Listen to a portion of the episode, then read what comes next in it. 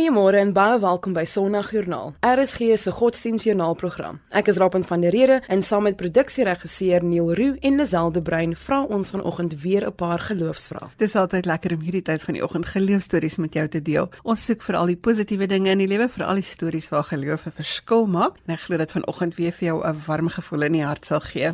Ons gaste vanoggend is Dominee Jaco Meisenheimer van die Baptiste Kerk in Parow, Dominee Jandrey Viljoen van die Kulsevierde Eike Gemeente gesels met ons oor musiekherwinning en Henny Viljoen gesels met ons oor die werksamehede van Amos Agreement. Mario Rousseau se lewe het handomkeer verander terwyl hy in die tronk was en hy deel vanoggend sy storie met ons. Jy kan ons luister op DSTV se audiokanaal 813 of deur die RSG toepassing op jou foon of jy kan ook inskakel via die webwerf by rsg.co.za. Alles wat jy van vandag se program wil weet, is daar gelaai en dit is ook op Sondagjoernaal se Facebookblad.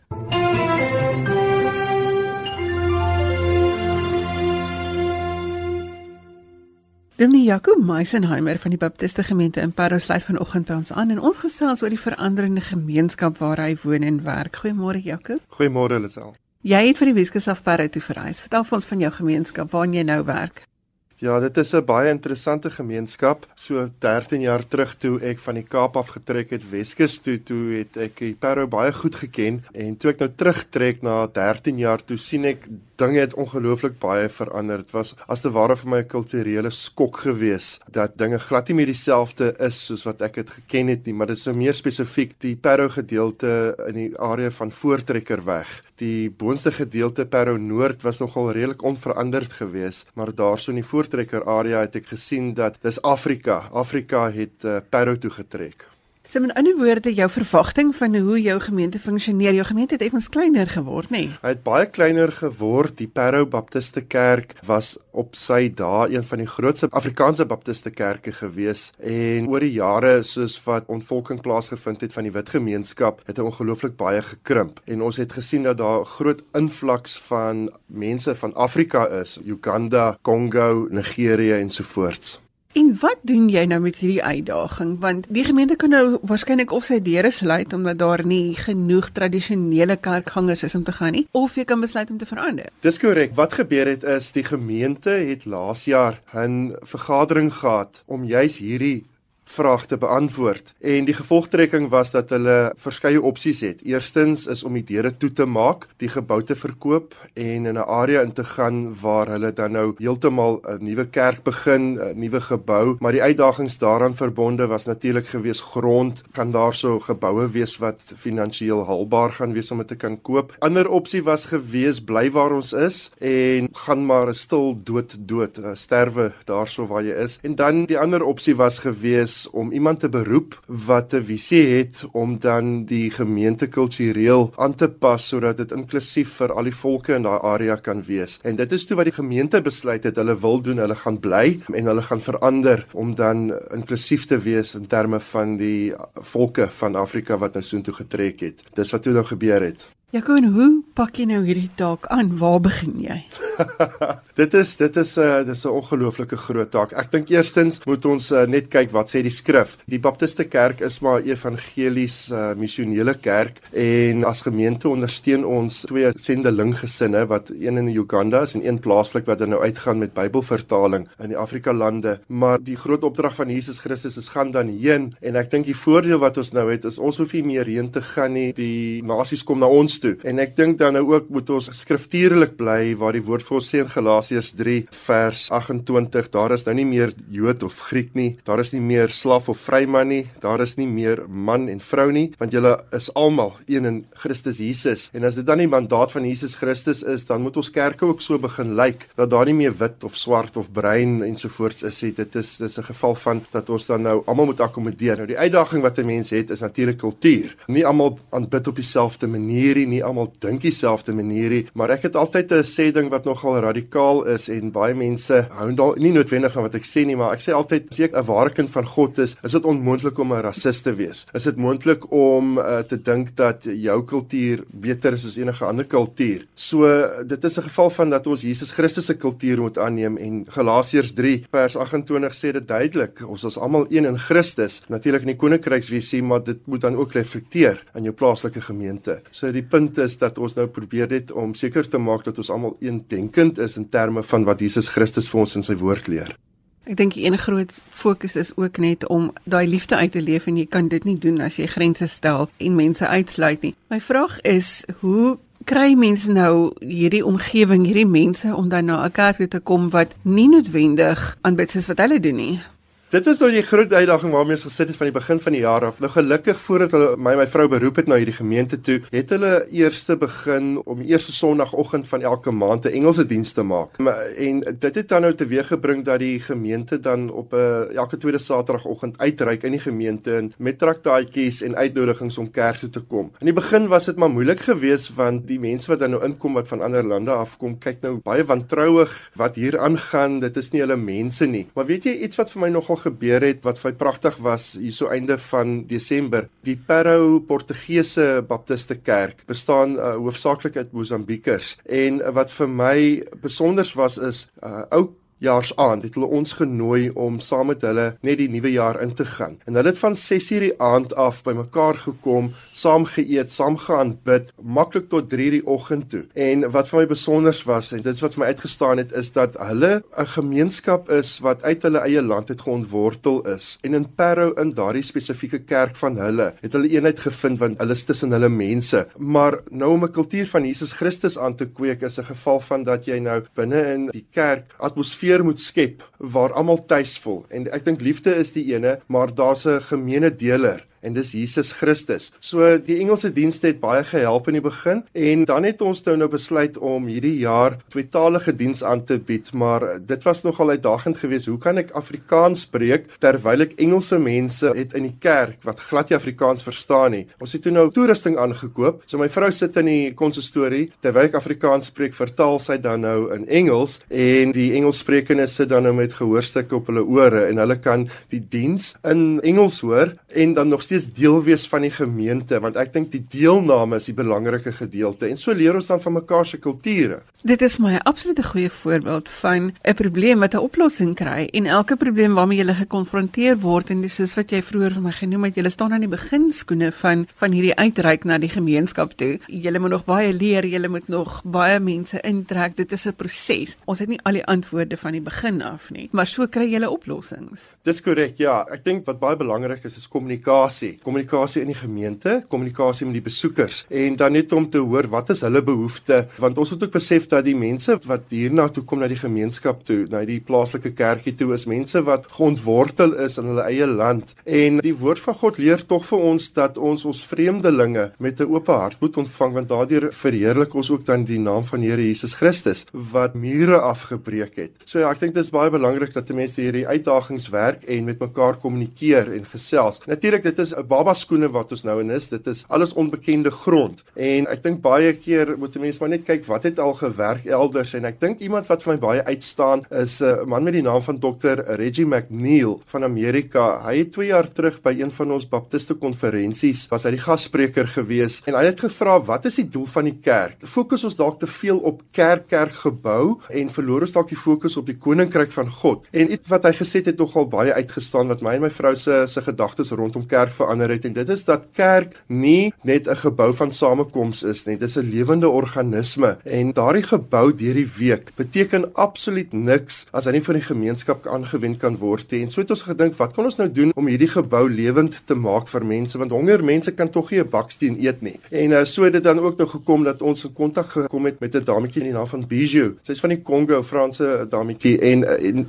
sy naam man het ook Suid-Afrika toe gekom, was ook geontwortel as gevolg van die geweld in hulle land. En hulle eerste Desember wat hulle hier was, Kersdag, het hulle gevoel, wat kan ons doen om hierdie plek iets beter te maak want ons is eensaam, ons is alleen, ons het nie ons mense hier nie. Hulle sien toe daar's baie straatkinders in Parow en hulle besluit, kom ons nooi die straatkinders om saam met ons Kersfees te vier. En so het daar 'n straatkinderprojek uit hart uit gekom wat natuurlik deur die Here in haar hart gesit is. En toe ons nou hier kom ek en my vrou te besluit ons, wat kan ons doen om hierdie gebou lewend te maak in die gemeenskap? En ons kom toe in aanraking met Bijou en ons ge luister gebruik die kerkgebou in die week as 'n plek waar die kinders bymekaar kan kom waar hulle kos kan kry, vars klere, higiëne ensovoorts. En ek dink dit is alles deel van hoe mense dan integreer en saamwerk om koninkryk van God uit te bou. Demi Jaco Meisenheimer, julle is 'n goeie voorbeeld van geloof in aksie, van een tree voor die ander sit om die proses te volg soos wat julle saamleer. Baie dankie dat jy vanoggend julle storie met ons gedeel het. Baie baie dankie. Dis al het gesels met Dominee Jaco Meisenheimer van die Baptiste Kerk in Parow oor die mengelmoes van kulture wat die samestelling van die gemeenskap verander. Goeiemôre as jy sopas ingeskakel het. Jy luister na Sondagjoernaal en ek is Robin van der Rede wat jou geselskap hou saam met tegniese regisseur Neil Roo en Lazelle Brein. RSG se webblad is die plek waar jy inligting kan kry oor ons program en die adres is rsg.co.za.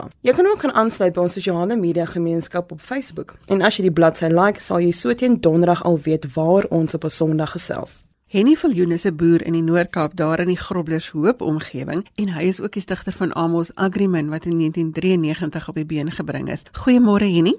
Môre Lisel. Wat doen Amos en hoekom was daar 'n nood vir die organisasie? In 93 het ons maar net vir eintlik die tyd voor dit al tot die besef gekom daar's regtig 'n geweldige geestelike nood in die landbougemeenskap, werkgewers en werknemers en op 13 Augustus 93 het die Here vir ons die visie gegee. Destyds was dit elke plaas vir Christus. Dit het 'n bietjie meer 'n evangelisasie fokus gehad Maar ons het intussen dit nie verander nie. Dit het maar net uitgebrei meer na koninkryksfokus toe van living and farming God's way. En die fokus val op die herstel en bou van verhoudings met God, met mense en met die skepping. Dit is die drie primêre verhoudings wat in die landbougemeenskap herstel en gebou moet word. Jy gebruik ook die lese living and farming God's way. Wat behels dit? Dit is makliker gevra as gesê. Die nuutste gebedsfokus hanteer juis die hele gedagte want ons weet wat is living en ons weet wat is farming, maar die hele vraag is wat is God's way? En dit is waaroor ons nuwe 40 dae gebedsfokus hierdie jaar gaan. Maar in breë probeer ons dan hierdie visie uitdra waarop ons nou nou weer kan kom as ons oor die gebedsfokus praat. Ons ontwikkel materiaal in Amos wat ons sover moontlik as dit elektronies is gratis beskikbaar stel. Ons het 'n netwerk wat saamwerk met ander organisasies. Ons help met bediening aan die landbougemeenskap. En dan een van die minder bekende goed wat Amos doen is dat ons plant GF for GF centers. Nou GF for GF staan vir Good Foundations for Good Fruit. En dit gaan eintlik maar daaroor, Lisel, dat ons wil op 'n gegeewe plek die volledige visie demonstreer. The demonstration of our proclamation. So dis eintlik klein opleidingsplasies waar ons dan van ons jong mense inbring en hulle volledig intensief disipel gees siel en liggaam en ons boer self op die plase dan om fondse te genereer en die jong mense aan landbou en die landbouaktiwiteite bloot te stel en dan is een van ons mikpunte om al hoe meer almos kantore in die land ons het dan drie streke een in die Wes-Kaap, sentraal en dan in Noord-Kaap wat ook nog al die ander provinsies hanteer. So dis so 'n netedop waarmee almal homself besig hou. Maar ons dien en bedien die landbougemeenskap. Dis ons hoof fokus. Die Living and Farming God's Way sluit ook oor kulturele grense jong swart opkomende boere in wat bestaande boere help om dan nou funksioneel te kan boer.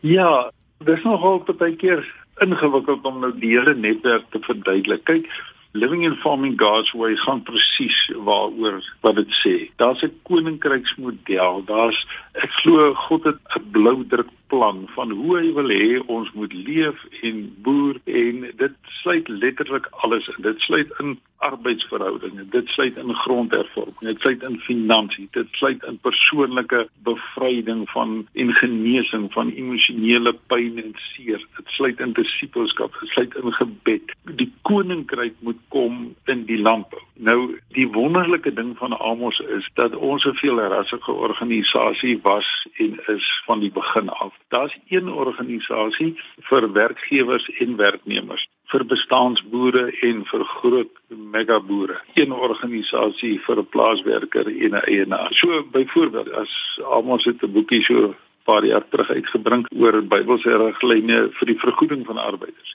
maar ons kan nie waag om goed te sê wat net een groepering pas nie want my eie plaaswerkers lees my eie boek so wat ek skryf skryf ek of die boere om lees of die plaaswerker lees hulle moet verstaan dis wat die woord sê.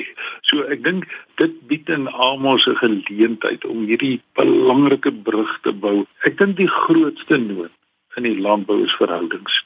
Trouens is die grootste nood in die land. Ons ken mekaar nie, ons praat nie met mekaar nie. Ja, ons werk saam en al daai goed, maar ons gaan sit nie en hoor mekaar se harte nie stel jouself in die ander man se skoene nie. En ek dink Amos bied 'n uitstekende platform vir Christene, gelowiges om by mekaar te kom en te sê maar kom ons hoor mekaar. Kom ons probeer verstaan mekaar. Uh, kom ons help mekaar in ons strewe om uiteindelik 'n landboubedeling in hierdie land te kry wat regverdig is, maar ook wat tot voordeel is van al die mense wat die eer van God regtig verkondig. Kom ons vat hande, kom ons praat saam. Dis daai verhouding ding, dit staan sentrale aan ons, die verhouding tussen mense en dan ook die verhouding met die skepping, want ek moet vir jou sê, die verhouding met die skepping word baie skeef getrek en dit is hoekom die aarde lyk soos hy lyk. En jy het nou gepraat oor die rol van gebed het altyd, maar ook in 'n tyd soos hierdie nou waarin mense onseker is oor die toekoms, daar's die grondhervorming gesprekke. Jy het 'n 40 dae gebedsfokus.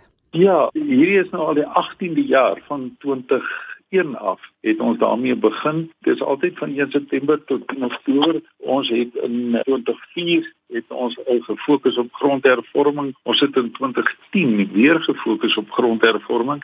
Maar wat tog belangrik is Lisel is dat die handleidings wat ons uitgee, gee 'n bietjie bespreking, dit gee 'n bietjie skrifinhoud aan waaroor moet ons bid? Hoekom moet ons daaroor bid? Wat sê die woord oor die saak? En byvoorbeeld 2010 se gebedsfokus wat gegaan het oor landboutransformasie en grondhervorming. Dit is op Amos se webblad beskikbaar. Enigeen kan dit daar aflaai. Daar's ook 'n standpunt rondom grondhervorming wat ons al in 2010 gedoen het. Verlede jaar het ons nou gefokus op boer voor die troon. Nou dit's baie interessant die woord boer in Afrikaans het ons 'n klomp betekenisse. Dit is 'n werkwoord. Jy boer of jy is 'n boer, maar dit kan ook sê die ou boer voor die televisie of hy boer by die meisie of hy boer op die sportveld. Nou ons sê boer voor die troon, kom gereeld daar, bly daar, want dis daai voorreg wat ons het in alles wat God in die landbou wil doen, glo ek doen hy in antwoord op gebed.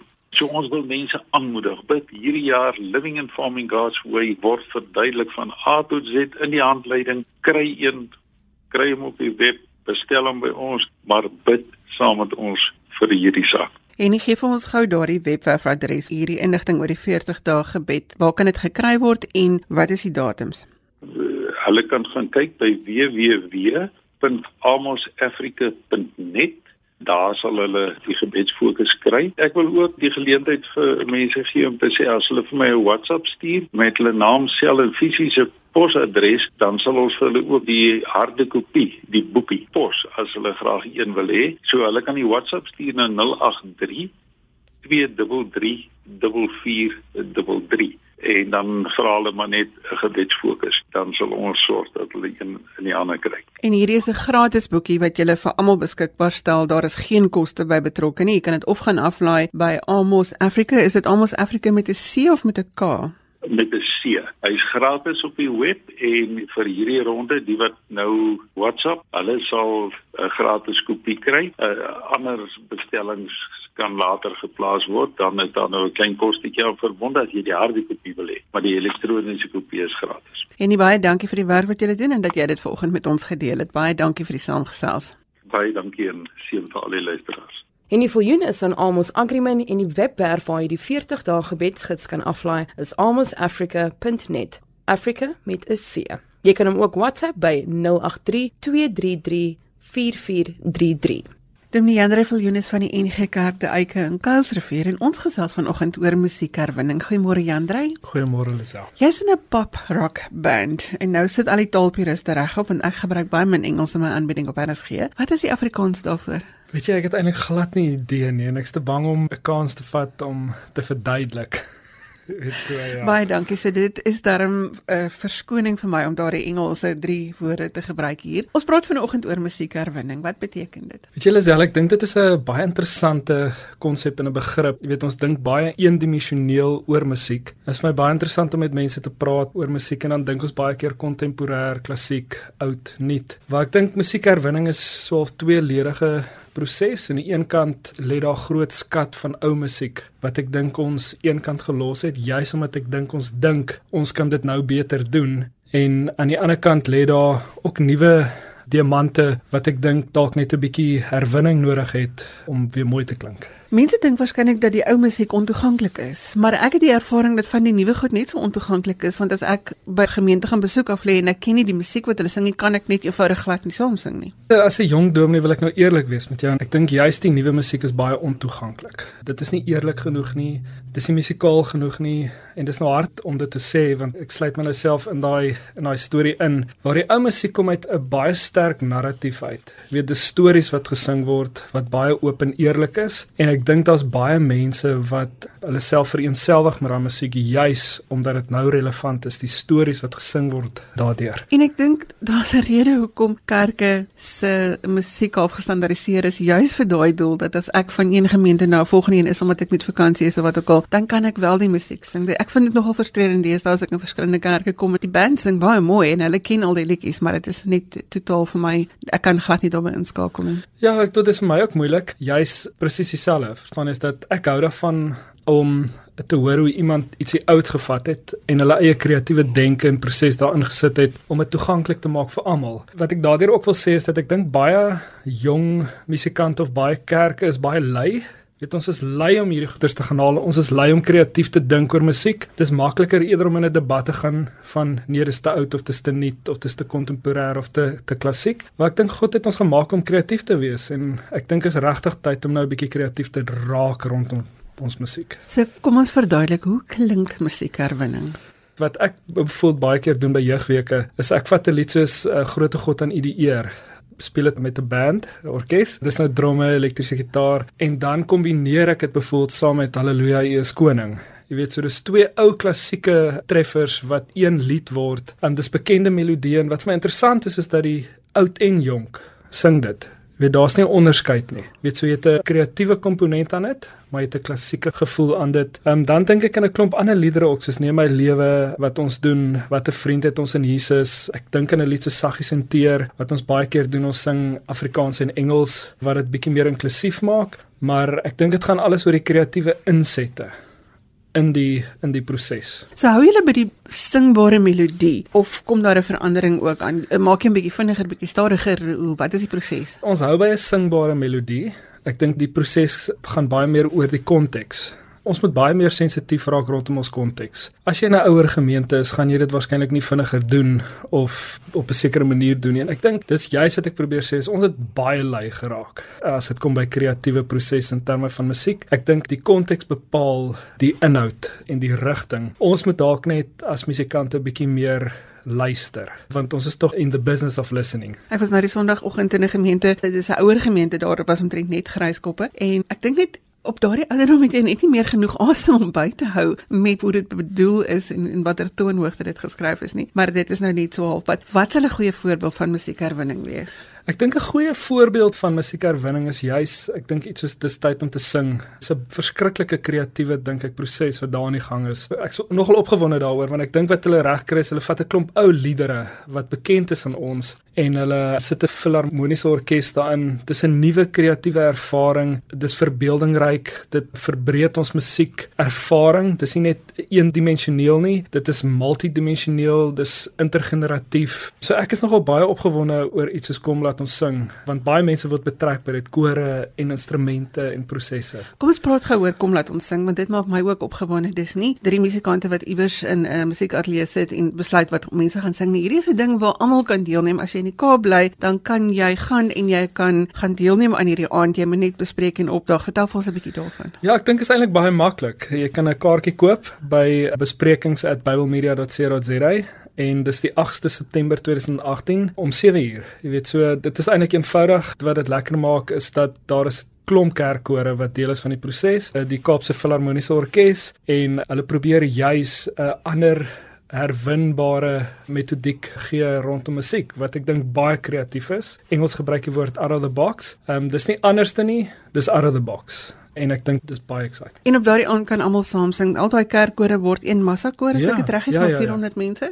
So dis 'n Samsung geleentheid waar jy musiek kan kom ervaar, waar jy kan deelneem, waar jy kan deelneem van die proses van daardie herwinning, hoe dit verwerk is en natuurlik die Filharmoniese Orkees is maak dit heeltemal 'n ander ervaring. Ja, wat fantasties is rondom dit is dis 'n sentrale punt. Dit dit word nie gekoppel aan iets nie. Jy weet so dit dit skep al klare ander platform. Uh, dit skep 'n ander gevoel van God se teenwoordigheid en ek is nogal opgewonde om te sien, jy weet wat hier aan gaan gebeur. Waar kom die idee vandaan, Jandre? Weet jy, ek dink dit is 'n interessante vraag. Ek dink Fani en myself het eendag 'n gesprek gehad met Nico Simpson. Dis nou Fani se verduideliking. Dis nou Dominee Fani Engelbrecht. Fani Engelbrecht van Goodwood en ek dink daar het iets uit daai gesprek uit ontstaan en toe Fani die hele proses net verder gevat saam met Nico en Nico het besluit maar hoor jy weet kom ons gaan herwin 'n paar liedboekliedere. Rian Stein is betrokke by dit en Rian is 'n ook 'n fenominale musikant, 'n producer. Ja, so ek dink daar's baie meer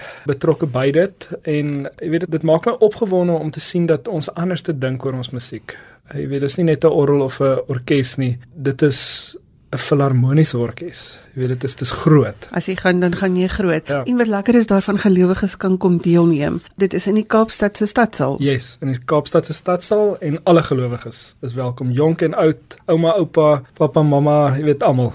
Kom sing saam. So as jy in Kaapstad is op die 8de September, soos wat Jan Drey vir ons gesê het, 7 uur die aand by die Kaapse stadsaal, maar jy moet bespreek daarvoor by wat is daai e-posadres vir Jan Drey?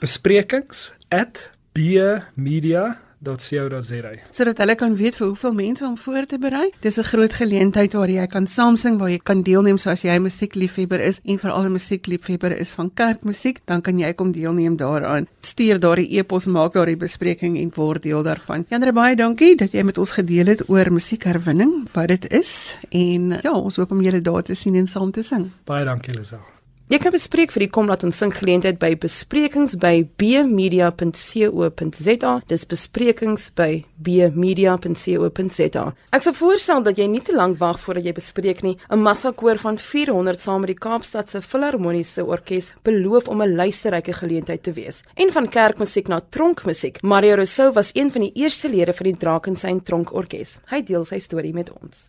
Mario Rousseau is van Bonteheuwel en ons gesels vanoggend oor sy betrokkeheid by bendes en hoe dit sy lewe beïnvloed het. Goeiemôre Mario. Goeiemôre. Deel met ons jou grootword en hoe jy by 'n bende betrokke geraak het. O, ek het groot geword op die ehm um, soos jy sê die Kaapse vlakte en groot gesin regtig gevoel. Ek het nie by my ma en my pa groot geword nie, so ek het regtig daai daai rejection geervaar of gevoel in my grootword en die gangs was net vir my net so overwhelming en toe ek my oë uitvie toe ek binne 'n gang en dit het my my basies my familie geword. En soos ons op 'n groei het met die slang of die woord dat I broke my mother's heart to please my friends. So al die reëls en die goed wat in die huis aangaan, het ek geteen gerebel van ek wil my vriende please. En ons het maar uitbegin as die cool gang, die cool ouens, niks fights, niks net discos en lekker aangetrek en almal dit. En dit het eventually uitgebroei na fights op die skole, fights in die disco clubs, fights in die communities. En dit het al groter en al groter geword totdat op so 'n manier tot polisie soek vir ons vir misdade en die gangs soek vir ons en ons se families wil ons nie meer in die huise nie. Ons het nou sommer gegaan van een plek na 'n ander plek op die Cape Flats. So dit het begin as iets wat jy deel gevoel het net van 'n gemeenskap. As jy sê jy het nie by jou ouers groot geword nie, waar het jy groot geword? Ek het by my ouma groot geword. Ouma was toe beraaid aan haar derde huwelik en sy het nege kinders gehad van verskillende huwelike en ek was die eerste kleinkind wat sy nou geaanvaar het. En so het ek maar so in 'n manier gevoel dat my ma en my pa wil my nie hê nie. En nou is ek hier so by ouma, maar ek het hierdie omstandighede geverstaan nie dat my ma was maar net 15 jaar oud toe ek gebore word en dat ouma moet toe ingryp en die proses aanhelp. Die aanvaarding van die groep, wat het dit vir jou beteken? Die aanvaarding van die groep het vir my als beteken tot op so 'n manier dat ek was bereid om my lewe af te lê vir hulle. Daar was kere wat ek voor bullets ingespring het vir vriende. Daar was kere wat ek gestaan het vir hulle, verkeerde goed gedoen het net om hulle lewens te red. En dis wat die familie vir my beteken het. I mean as ek sê familie dan sê ek so 'n aanhalingstekens tekens van dis hoe dit vir my gevoel het. Dis die familie waarvoor ek my lewe sou neerlê. Want ek het gedink dis wat hulle dieselfde vir my sal doen. En so het dit gegaan dat die crimes wat ek begine commit het, was saam met hulle en soms vir hulle.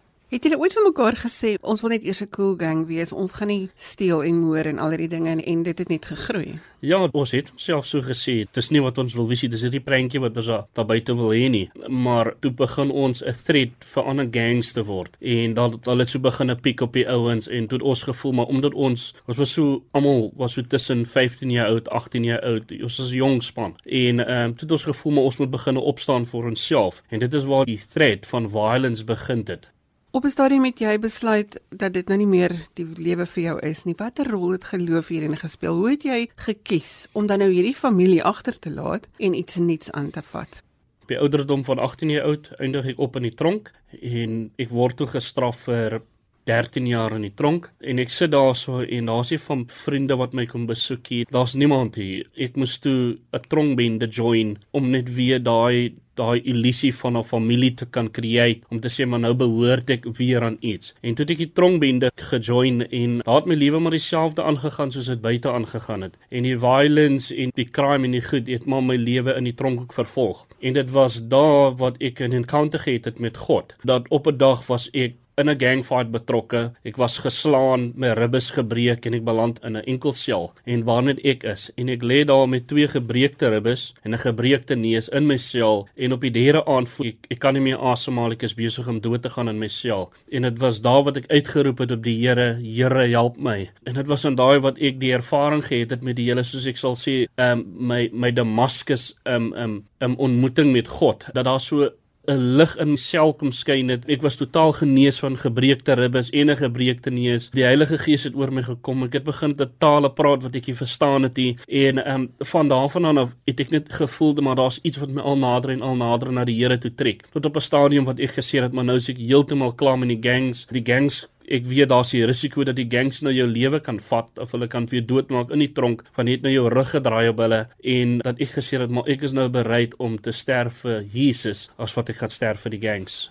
Hoe het jy geweet om uit te roep na die Here? Wat was jou ervaring met geloof vooraf? Het iemand vir jou daarvan vertel? Het jy daarvan geleer? Waar het daai uitroep vandaan gekom? Ja, Ek dink die grootste ervaring van geloof was my ouma. Sy was my altyd my standpilaar van van geloof, van wat 'n Christen moet wees. Ons het van nou so in Januarie het sy afgesterf haar begrawe, maar sy staan altyd vir my as my geloof hero. Van ek kan onthou toe klein gewees het dat ons almal so in 'n sirkel gestaan in die voorkamer en voor enige een skool toe gegaan het of werk toe gegaan het, moet ons hande gevat en ons het saam gebid. Ons het voor saam kerk toe gevat. So oral wat ek gegaan het, ek is van 13 jaar oud af was ek uit op die straat en ek het op die straat gebly. Maar oral wat ek gegaan het, het ek altyd geweet daar is iemand wat vir my bid. Toe ek in die tronk was, het ek altyd geweet daar's iemand wat vir my bid. En dit het vir my wat ek gedink het toe ek nie meer opsie het in die tronk waartoe ek my rug kan draai nie en toe roep ek uit na die Here toe van daai was in my ingebou van kleins af. Jy was toe nou nog steeds in die tronk. Hoe het jy daai uitroep in jou geloof versterk terwyl jy in die tronk was? Nadat ek die Here geaanvaar het in my lewe, was ek nog vir 7 jaar in die tronk. En ek kan onthou iemand het vir my 'n Bybel gebring en iemand anders het gesien maar ek was ernstig met my geloof en ek was gedoop binne in die tronk vir al die ander gevangenes En daarvan af was ek geskei van Polsmot tronk af na Drakensberg tronk toe. En daar was net 'n honger binne my om meer te weet van God. En ek het by elke Bybelstudiegroepie, elke kerkdiensie, alles wat Christen geloof wat daar was in die tronk het ek bygewoon. Dan het ek uit die een uit vroeg uitgehardloop om aan die ander een te gaan sodat ek meer bietjie daarvan kan weet. En so het ek gegroei in my geloof tot op 'n mate dat ek die Christen leier geword het binne in die tronk om nou anders te leer oor Jesus Christus. Wat was jou boodskap vir die mede-bendelede? Het hulle anders na jou gekyk en hoe kon jy jouself toe nou handhaaf? Ja, ek dink vir my die grootste challenge was toe ek kom by Drakensberg tronk en nou is ek die Christen en almal ken vir my van my verlede wat so 'n mens ek was, dat ek violent was en ek het goed gedoen en die bewakers kyk vir my met daai oë en niemand glo vir my, maar ek is nou verander en ek het Christus in my lewe aangeneem nie. En dit wat vir my gevat het op 'n punt waar ek met Christus uitleef en nie net Christus praat nie en tot dan mense begin stadig maar verseker begin glo. Ek moes na al die gangsters toe gaan in die tronk wat ek gerekruut het in die gang moet ek toe gegaan het. Ek het vir hulle vergifnis gaan vra. Gevra jammer dat ek vir hulle die verkeerde paadjie geleer het. En van hulle het dit aanvaar van hulle het die Here aangeneem en van hulle het gesê nee jy het vir ons klaar die wy geleer en ons glo in die weg wat jy ons geleer het. Ons gaan 'n ander pad kiesie. Maar van die ander groot groep van die ander het Christus ervaar in hulle lewe en van hulle dien nog altyd vandag die Here. Mario jou vriende in die bendes, was dit dieselfde ervaring wat hulle daar gebring het? Hierdie gesinsding dat hulle half in huise groot geword het waar daar nie 'n pa was nie of 'n gebroke gesin. Was almal se stories half dieselfde storie?